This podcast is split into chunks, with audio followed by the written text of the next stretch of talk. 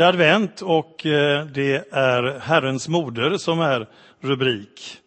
Och jag vill läsa i Jesu namn från Lukas evangeliet kapitel 1 och vers, från vers 26 till vers 39. Och sen läser vi ett stycke till så småningom. Men där vill jag läsa i Jesu namn. Lukas 1 och vers 26. I den sjätte månaden blev ängeln Gabriel sänd från Gud till en ung flicka i staden Nasaret i Galileen. Hon hade trolovats med en man av Davids släkt som hette Josef och hennes namn var Maria. Ängeln kom in till henne och sa, var hälsad du högt benådade, Herren är med dig. Hon blev förskräckt över hans ord och undrade vad denna hälsning skulle betyda. Då sa ängeln till henne, var inte rädd, Maria. Du har funnit nåd hos Gud.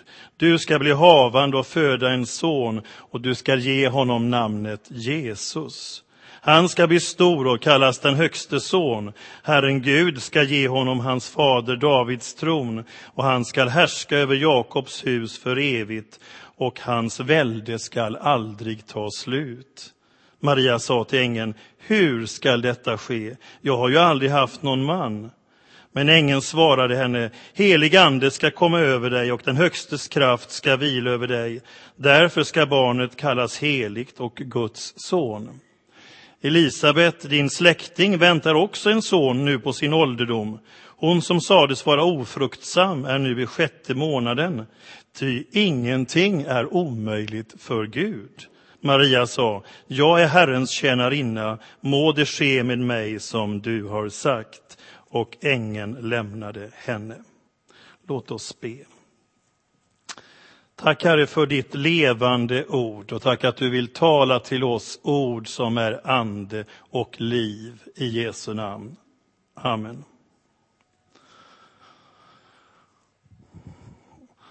Ja, jag vet inte hur det är att vara ängel. Jag vet inte om ni har provat på det någon gång, men att det måste ju varit oerhört spännande att få vara ängel.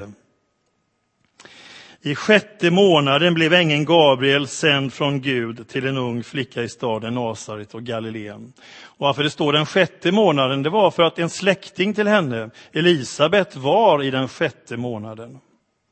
Då hade ängeln Gabriel fått ett förunderligt uppdrag. Sex månader tidigare säger Gud till Gabriel, nu är det dags Gabriel, nu ska du åka ner.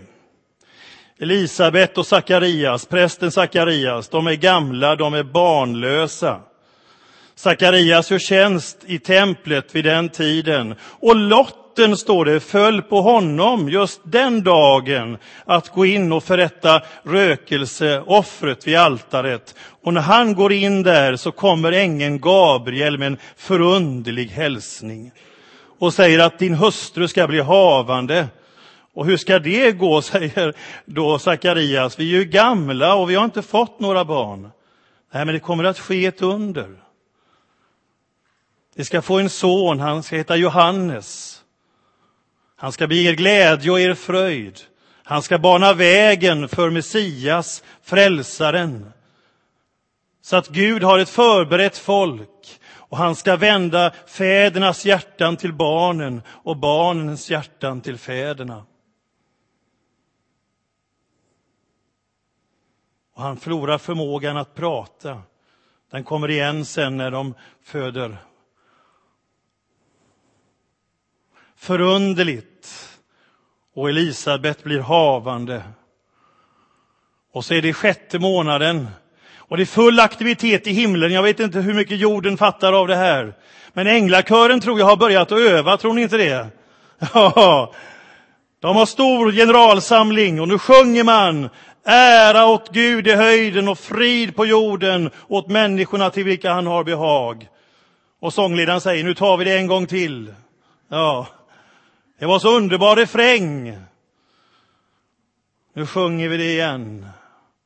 Och så tittar Gabriel på Gud, är det inte dags nu? Jag vet inte hur det funkar med tid, det är ju lite tidlöst, men på något vis ändå. Är det inte dags nu, säger Gabriel, sneglar på Gud. Nej, inte riktigt än. Är det inte dags nu? Ja, nu är det dags. Och så kommer ängeln Gabriel igen med ett förundligt budskap till en ung kvinna i tonåren, trolovad med Josef. Var hälsad du högt benådade, Herren är med dig. Så blev hon förskräckt. Det kan man ju tänka sig. Plötsligt kommer en Herrens ängel. Och alltid får änglarna säga så här, var inte rädd. Det är ofta inledningsfrasen. Var inte rädda. Jag bär bud om en stor glädje och så vidare. Var inte rädda, var inte förskräckta. Jag kommer med ett gott budskap.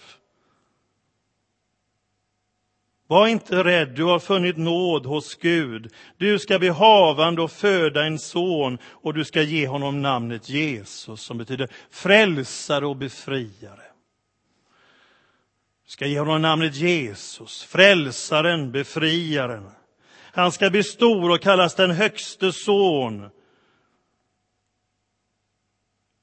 Och Herren Gud ska genom honom, hans fader, ska ge honom hans fader Davids tron och han ska härska över Jakobs hus för evigt och hans välde skall aldrig ta slut. Det finns många riken som kommer och går, men inget har kraften att bestå. Det går under förr eller senare. Men Gud kommer med ett rike som aldrig kan förstöras, som alltid kommer att bestå. Därför att det har en gudomlig kvalitet, det är likt Gud själv. Hans välde skall aldrig ta slut. Och så säger Maria naturligtvis, hur ska detta ske? Jag har ju aldrig haft någon man. Men ängeln svarade henne, helig ande skall komma över dig och den högstes kraft ska vila över dig. Därför ska barnet kallas heligt och Guds son. Och för att styrka henne i det här så säger ängeln att Elisabet, din släkting, väntar också en son nu på sin ålderdom. Hon som sades vara ofruktsam är nu i sjätte månaden, ty ingenting är omöjligt för Gud. Så det får hon sensationella överraskningar. Hennes släkting Elisabet på sin ålderdom väntar också ett barn. Ibland är det debatt i Sverige att det skulle vara så komplicerat för den kristna tron att tro på jungfrufödsel. Jag förstår faktiskt inte den debatten, ska jag säga. Jag ser inga intellektuella problem med det alls. Om jag tror på en levande Gud som har skapat universum och allting, då kan han gå in och ändra lite grann och göra en ofruktsam äldre kvinna så att hon kan föda, eller hur? Och att Maria som är ung kan föda genom den heliga Andes kraft. För mig vore det ju intellektuellt konstigare om Gud inte skulle kunna göra så. Så jag ser inga intellektuella problem med det, inget som kyrkan behöver tumma på och tycka lite obekvämt eller lite konstigt sådär, utan det är ju naturligt. Om det finns en levande Gud, en skapare, så är det klart att han kan gå in och göra en liten ändring i skapelsen. Och visst kan han det. Ja. Och så säger ängeln det förundliga, ingenting är omöjligt för Gud. Och här är två underverk. Det är ett underverk att Elisabet kan få föda Johannes och så är det här underverket att Maria ska få föda världens frälsare. Det är förunderligt när vi tänker på Guds storhet. Och man kan fascineras och häpna över den. Och på ett sätt kanske man häpnar ännu mer att Gud kan bli så liten så att han blir ett barn och får födas och Maria får bära Guds son himlen i min famn, som vi ska få höra sen. Det är ju fantastiskt. Ja. Det påminner mig också om när Abraham och Sara, ni vet, de var också gamla. Och de biologiska klockan var ute för länge sedan att föda. Och så kommer Gud. Och eh, Sara ler lite grann när hon får höra detta, det kan man ju förstå. Liksom, hur ska det bli möjligt detta? Ja, men det kommer att få föda och det kommer att bli som talrikt som stjärnorna med många ättlingar. Och så får Abraham ett nytt namn. Han heter ju Abram som betyder fader. Och så får han namnet Abraham som betyder fader till många folk. Jag kan tänka när 90-åringarna säger Sara där, fader till många folk, kom in och ät. Jag trodde grannarna tänkte då, nu har han helt tappat sansen. Ja, fader till många folk, ska det vara en kaffe? Ja, men Gud hade sagt så här, är då något så underbart att inte jag skulle förmå det? Ja. Och så säger Maria, precis som vi beder i Fader vår, jag är Herrens tjänarinna, må det ske med mig som du har sagt. Och så lämnade ängeln henne. Jag ställer mig till Guds förfogande, må det ske med mig som du har sagt. Och man förlorar aldrig på att ställa sig till Guds förfogande. Även om det kan vara bävan och rädsla, hur man kan känna det. Men Gud är aldrig orättvis. Vi ställer oss till Guds förfogande. Maria säger, låt din vilja ske i himmelen så på jorden. Låt den få ske i mitt liv. Hon står till Guds förfogande. Och så springer hon iväg på darrande ben över Juda bergsbygd. Till den enda som hon kanske riktigt kunde anförtro sig åt. En annan kvinna som också hade blivit gravid i en nästan lika opassande situation, social situation som henne själv, Elisabet. För att få det bekräftat, som ängeln sa. Och dit springer hon över bergsbygderna och kommer dit. Och när Elisabet hör Marias hälsning så står det att då sparkade barnet till i henne och hon fylldes av helig ande. Och ängeln hade faktiskt sagt det förunderliga till Sakarias och Elisabet i tidigare kapitlet att Johannes skulle bli fylld av helig ande i moderlivet. Vilken förunderlighet! Och vilket, vilken, vilken respekt för det ännu ofödda barnets integritet. Bli fylld med helig ande i moderlivet. Och hon ropar med hög röst, Elisabet, välsignad är du mer än andra kvinnor och välsignat det barn du bär inom dig. Hur hade hon fått reda på det? Ja, på något sätt får hon väl någon sorts uppenbarelse, vad jag kan förstå. Hur kan det hända mig att min herres mor kommer till mig, säger hon. Det måste ju vara profetiskt inspirerat. Min herres mor. Åh, säger hon, i mina öron hörde din hälsning, sparkade barnet till i mig av fröjd. Salig hon som trodde det som Herren har låtit säga henne ska gå i uppfyllelse, säger Elisabet. Det är fantastiskt. Och hon är jättegenerös. Man skulle ju kunna tänka sig lite mänsklig tanke att oj, ska din son bli lite mer än min? Ni vet. Ibland kan ju mödrar ha lite olika ambitioner för sina söner. Ja, det kan vara lite så. Det är lite kul att lyssna på Nobelpristagarna. Alltså det är väldigt ofta de påfallande säger att det här har jag gjort för min mamma, säger de. Vad är det som driver dig? Jo, ja, det är forskningen och så, men det jag gör det främst för min mamma. Ja, ja det är lite festligt. Och så brister Maria ut i lovsång. Min själ prisar Herrens storhet, min ande jublar över Gud, min frälsare. Han har vänt sin blick till sin ringa tjänarinna.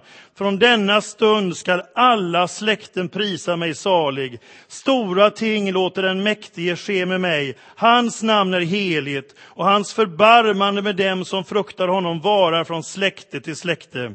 Han gör mäktiga verk med sin arm. Han skingrar dem som har övermodiga planer. Han störtar härskare från deras troner och han upphöjer de ringa. Hungriga mättar han med sina gåvor och rika skickar han tomhänta bort. Han tar sig an sin tjänare Israel och håller sitt löfte till våra fäder att förbarma sig över Abraham och hans barn till evig tid. Vilken lovsång! Den är full av ord ifrån skriften. Hon är fylld med Guds ord, den här unga kvinnan. Det finns en hel del likheter i Hannas lovsång i Första Samuelsboken 2.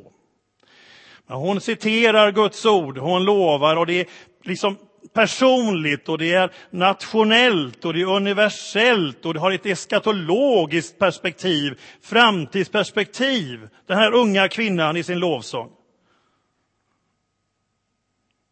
Ibland har man kritiserat liksom kyrkan för att Maria hon är symbol för passivitet och undergivenhet. Och i, i konsten så möter vi henne ofta lite världsfrånvänd och lite blek och lite grå. Jag undrar var de har läst det någonstans.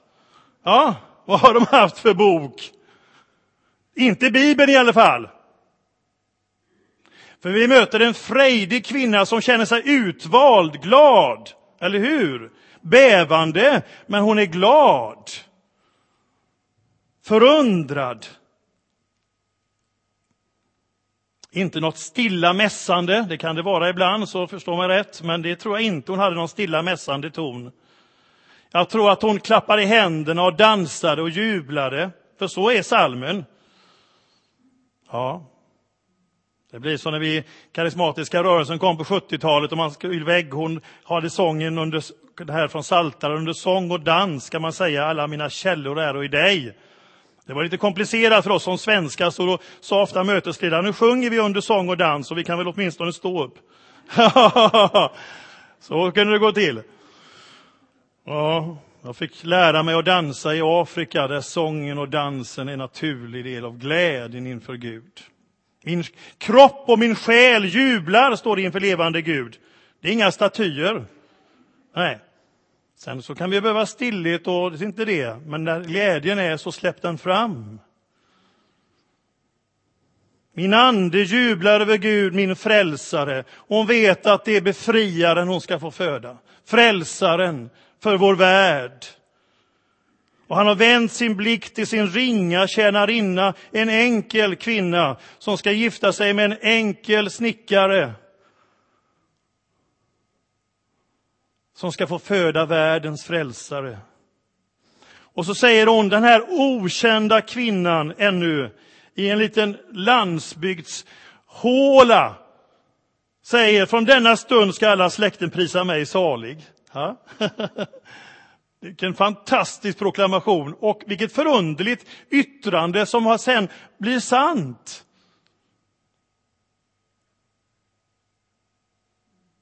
Från denna stund ska alla släkten prisa mig salig. Hon förstod att hon bar på någonting som var, kunde omfatta hela vår värld.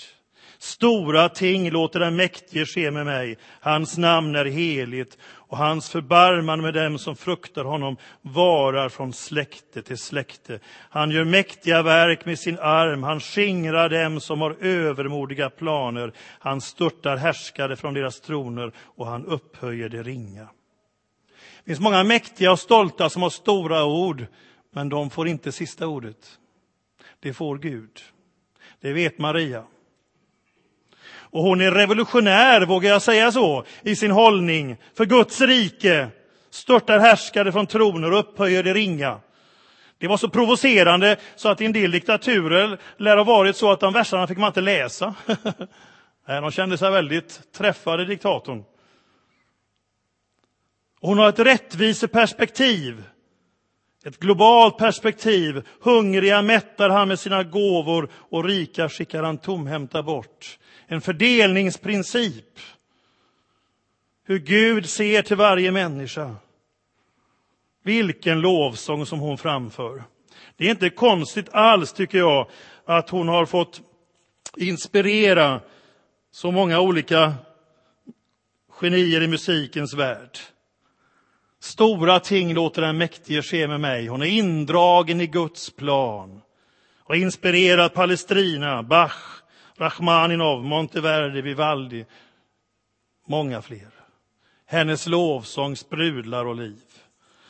Och det är spännande tycker jag, för att på den tiden, man säger så här att hennes lovsång, de som forskar och så, mer än 20 anknytningar till judarnas historiska och religiösa skrifter. Så Maria var väldigt insatt Fast teologin, precis som filosofin på den tiden, det var männens område, det var männens domäner. Det fanns inte en enda kvinna som var skriftlärd. Men någonstans har Maria lyssnat, någonstans har hon läst. Hon hade inte sett kunskapen som männens revir. Hon hade tänkt själv. Och i hela hennes lovsång så kommer det fram vad som rör sig i hennes inre. En frälsare, en befriare. Är hon då inte undergiven Gud? Jo, skulle det vara något fel i det? Nej, alltså undergivenhet i bibliskt perspektiv, det är att personen kommer till sin fulla rätt. Jag låter Gud få vara Gud i mitt liv, vare sig jag är man eller kvinna. Gud har ju skapat blomman för att den ska blomma, eller hur? Och det är konstigt och blomman sa, jag har så väldigt vackra blad så det är bäst jag inte slår ut dem. Jag sa, vacker blomma, det är bäst inte den brister ut för jag kanske stjäl lite ära från Gud då. Lite härlighet så. Nej, det är ju genom att den blommar som den ärar Gud, eller hur? Får Gud säga, varför, kom igen nu. blomma, jag har ju tänkt det, jag har ju drömt det om dig, du ska få blomma. Och Maria, hon blommar, hon blomstrar ut. Hon ärar Gud och blommar. Må det ske med mig som du har sagt.